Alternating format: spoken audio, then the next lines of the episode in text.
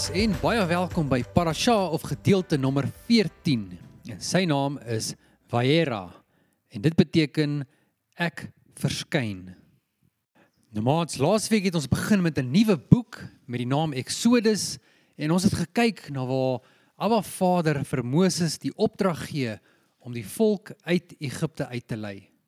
Kom ons kyk wat gebeur hierdie week. Appa Vader het met Moses gepraat. Ek is die Here. Ek het my aan Abraham, Isak en Jakob voorgestel as El Shaddai, die magtige God wat meer as genoeg is. Ek het met hulle verbond aangegaan om die land Kanaan waaraan hulle vir tydjie oorgebly het vir hulle te gee.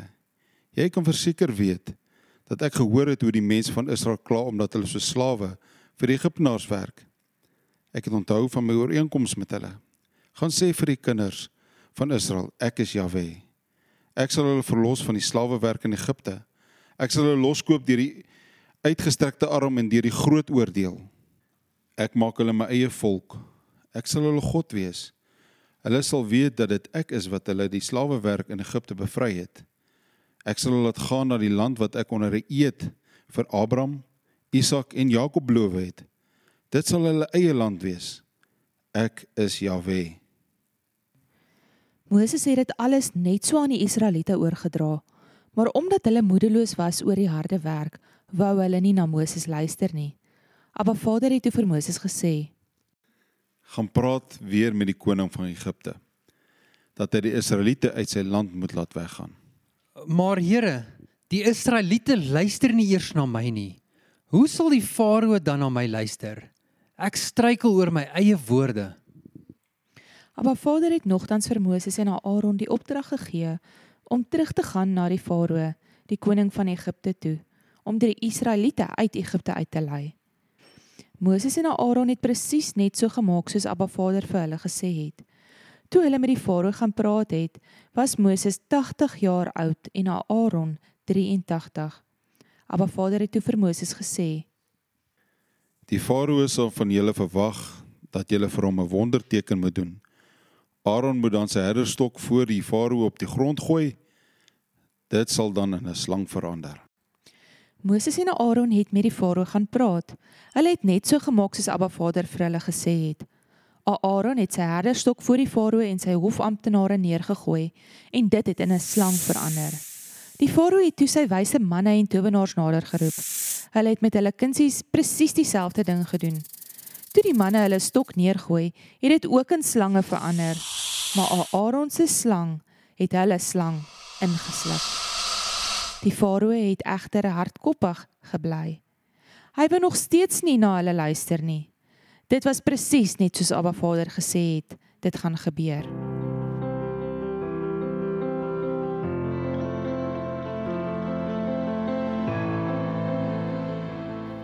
Die farao bly nog steeds eiesinnig en hy weier steeds dat die volk kan gaan. Môreoggend, wanneer die farao afgaan na die rivier toe, moet jy met hom gaan praat, gaan staan langs die rivier en wag vir hom daar. Luister nou mooi, dis wat jy gaan doen. Moses en Aaron het dit presies net so gemaak soos Abba Vader vir hulle gesê het.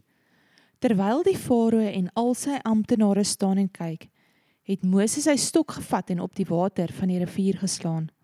Al die water in die rivier het toe in bloed verander. Die vis in die rivier het gevrek. Die water het so sleg begin ruik dat die Egiptenaars dit nie kon drink nie. Deur die hele Egipte was daar net bloed. Maar die towenaars van Egipte het hulle kunsies gebruik en kon ook water in bloed verander. Dit het gemaak dat die farao steeds nie na hulle geluister het nie. Dit was soos Abba Vader gesê het dit sou gebeur. Die farao het omgedraai en na sy paleis toe teruggegaan. Hy het hom nie verder aan die saak gesteer nie. Die Egiptenaars het toe putte al langs die rivier begin grawe vir drinkwater. Hulle kon nie die water van die rivier drink nie.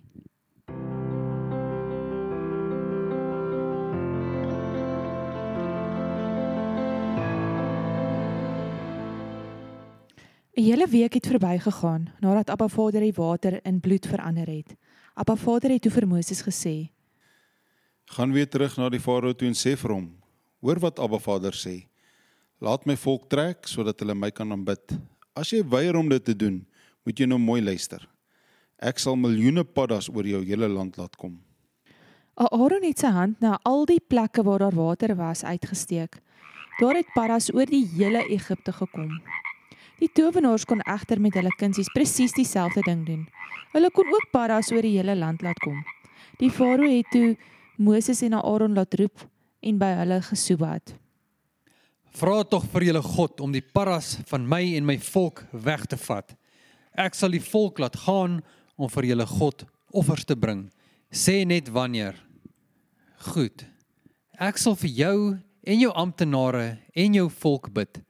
Ek sal my God vra om die paras weg te vat. Net die paras wat in die Nylrivier is, sal bly lewe. Doen dit asseblief môre. Goed. Ek sal so maak. Jy sal dan weet dat niemand met Jahweh, ons God, vergelyk kan word nie.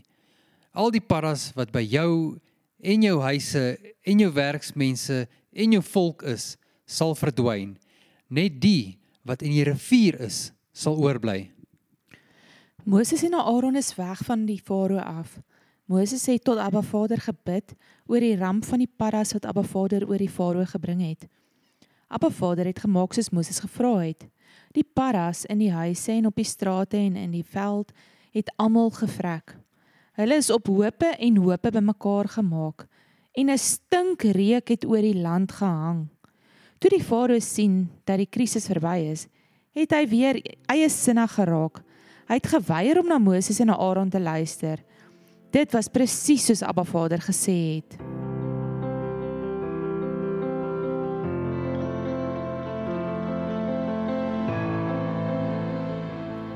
Daarna het Abba Vader weer vir Moses gesê: Sê vir Aaron: "Vat jou stok, slaan op die grond. Dit sal luise oor die hele Egipte bring." Weer het hulle net so gemaak soos Abba Vader gesê het. Aaron het sy stok gevat en op die grond geslaan. Daar het toe duisende luise gekom wat op mense en dier toe gesak het. Oor die hele land het die stof in luise verander. Die farao het sy towenaars het dieselfde met hulle kunsies probeer regkry. Hierdie keer was hulle nie suksesvol nie. Die luise het al wat mens en dier was omsingel. Oral waar jy kon kyk, was net luise.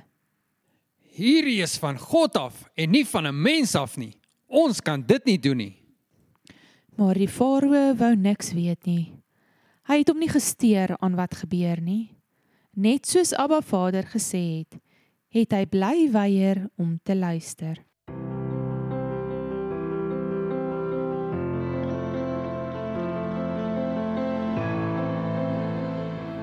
Moses, Aaron, staan môre vroeg op en gaan ontmoet die farao wanneer hy op pad na die rivier toe is.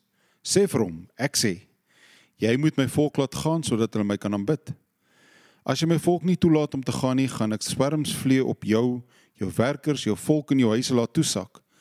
Die huise in Egipte sal vol vlee wees.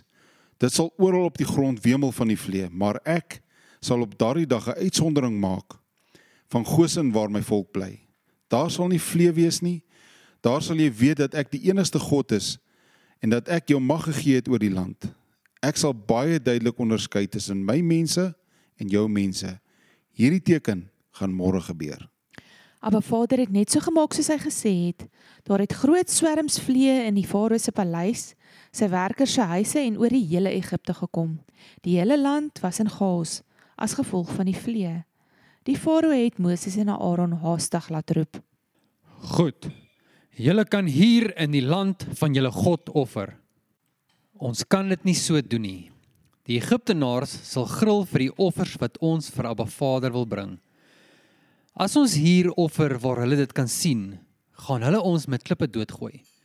Ons moet 3 dae ver die woestyn intrek om daar vir Abba Vader 'n offer te bring. Dit is wat hy gesê het ons moet doen. Maak dan so. Ek sal julle toelaat om vir julle God in die woestyn 'n offer te bring. Moenie te ver weggaan nie. Sodra ek weg is, sal ek vir Abba Vader bid om die vlee van jou en jou mense weg te vat. Moenie weer omvlieg en van plan verander dat die volk nie kan gaan om vir God 'n offer te bring nie. Moses het Abba Vader gevra om die vlee weg te vat. Abba Vader het gehoor wat Moses gevra het. Hy het die vlee van Farao, sy werkers, sy volk en almal rondom hom laat verdwyn. Daar het nie 'n enkele vlieg in Egipte oorgebly nie. Die Farao het egter weer viervoetig vasgesteek en geweier om die volk te laat gaan.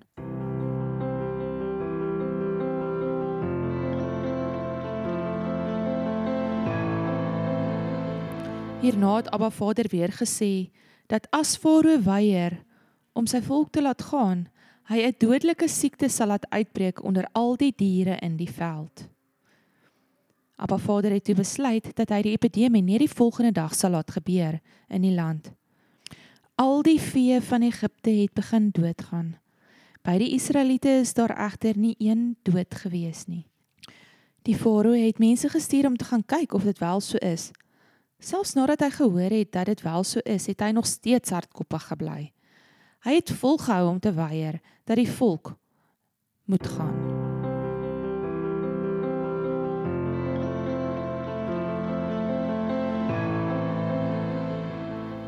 Moses, vat 'n paar hande vol roet uit die oond en gooi dit voor die farao in die lug. Dit sal soos fyn stof oor die hele Egipte versprei en rou sere aan mense en diere laat kom. Hulle het toe roet in 'n oond gevat en na die farao toe gegaan. Terwyl die farao staan en kyk, het Moses dit in die lug uitgestrooi. Daar het rou sere op mense en diere begin uitbreek. Die towenaars kon nie met Moses kompeteer nie, omdat hulle self ook vol sere was. Maar Vader het die farao egter nog hardkoppiger gemaak. Hy het volgehou om te weier om na hulle te luister. Dit was net soos Abba Vader gesê het dit sou wees.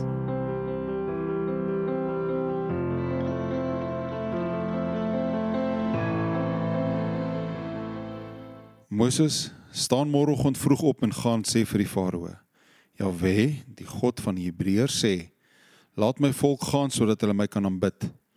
As julle dit nie toelaat nie, gaan ek 'n ram stuur wat jou en jou amptenare en jou volk werklik gaan druk. Julle sal dan verseker weet dat daar nie nog iemand soos ek op die aarde is nie. Ek kon julle al lankal doodgemaak het. Moses het toe sy stok in die lug opgesteek. Abba Vader het toe donder weer en haal laat kom en weerlig oor die hele aarde laat uitslaan. Abba Vader het 'n geweldige haalstorm oor die hele Egipte laat losbars. Daar was nog nooit in Egipte se geskiedenis so 'n groot haalstorm met soveel onophoudelike weerlig nie. Die haalstorm het deur die hele Egipte getrek. Dit het alles in die veld, mens en diere en plante wat in die pad was, plat geslaan. Daar het nie 'n boom bly staan nie. Die enigste plek waar daar op daardie dag nie hul geval het nie, was in Goshen, waar die Israeliete gebly het. Die farao het toe dringend vir Moses en Aaron laat roep. Ek het verkeerd gemaak. Hierdie keer is jou God reg. Ek en my mense is verkeerd. Bid tog tot jou God dat hy hierdie verskriklike weerlige en haal laat ophou. Ek sal julle laat gaan. Julle hoef nie langer te bly nie. Goed so. Sodra ek uit die stad is, sal ek tot Abba Vader bid om die haal en die weerlig te laat ophou. Jy sal dan weet dat die aarde aan Abba Vader behoort. Ek weet egter dat jy en jou amptenare nog glad nie in hom glo nie. Moses is toe van die farao af weg en uit die land uit. Toe hy sy hande opsteek en begin bid, het die weerlig opgehou slaan. Die haal en reën het opgehou val. Toe die farao sien dat die weerlig opgehou en die storms bedaar het, het hy en sy amptenare maar net weer begin optree soos hulle het en geweier om te doen wat hulle beloof het. Die farao het botweg geweier om die Israeliete te laat gaan.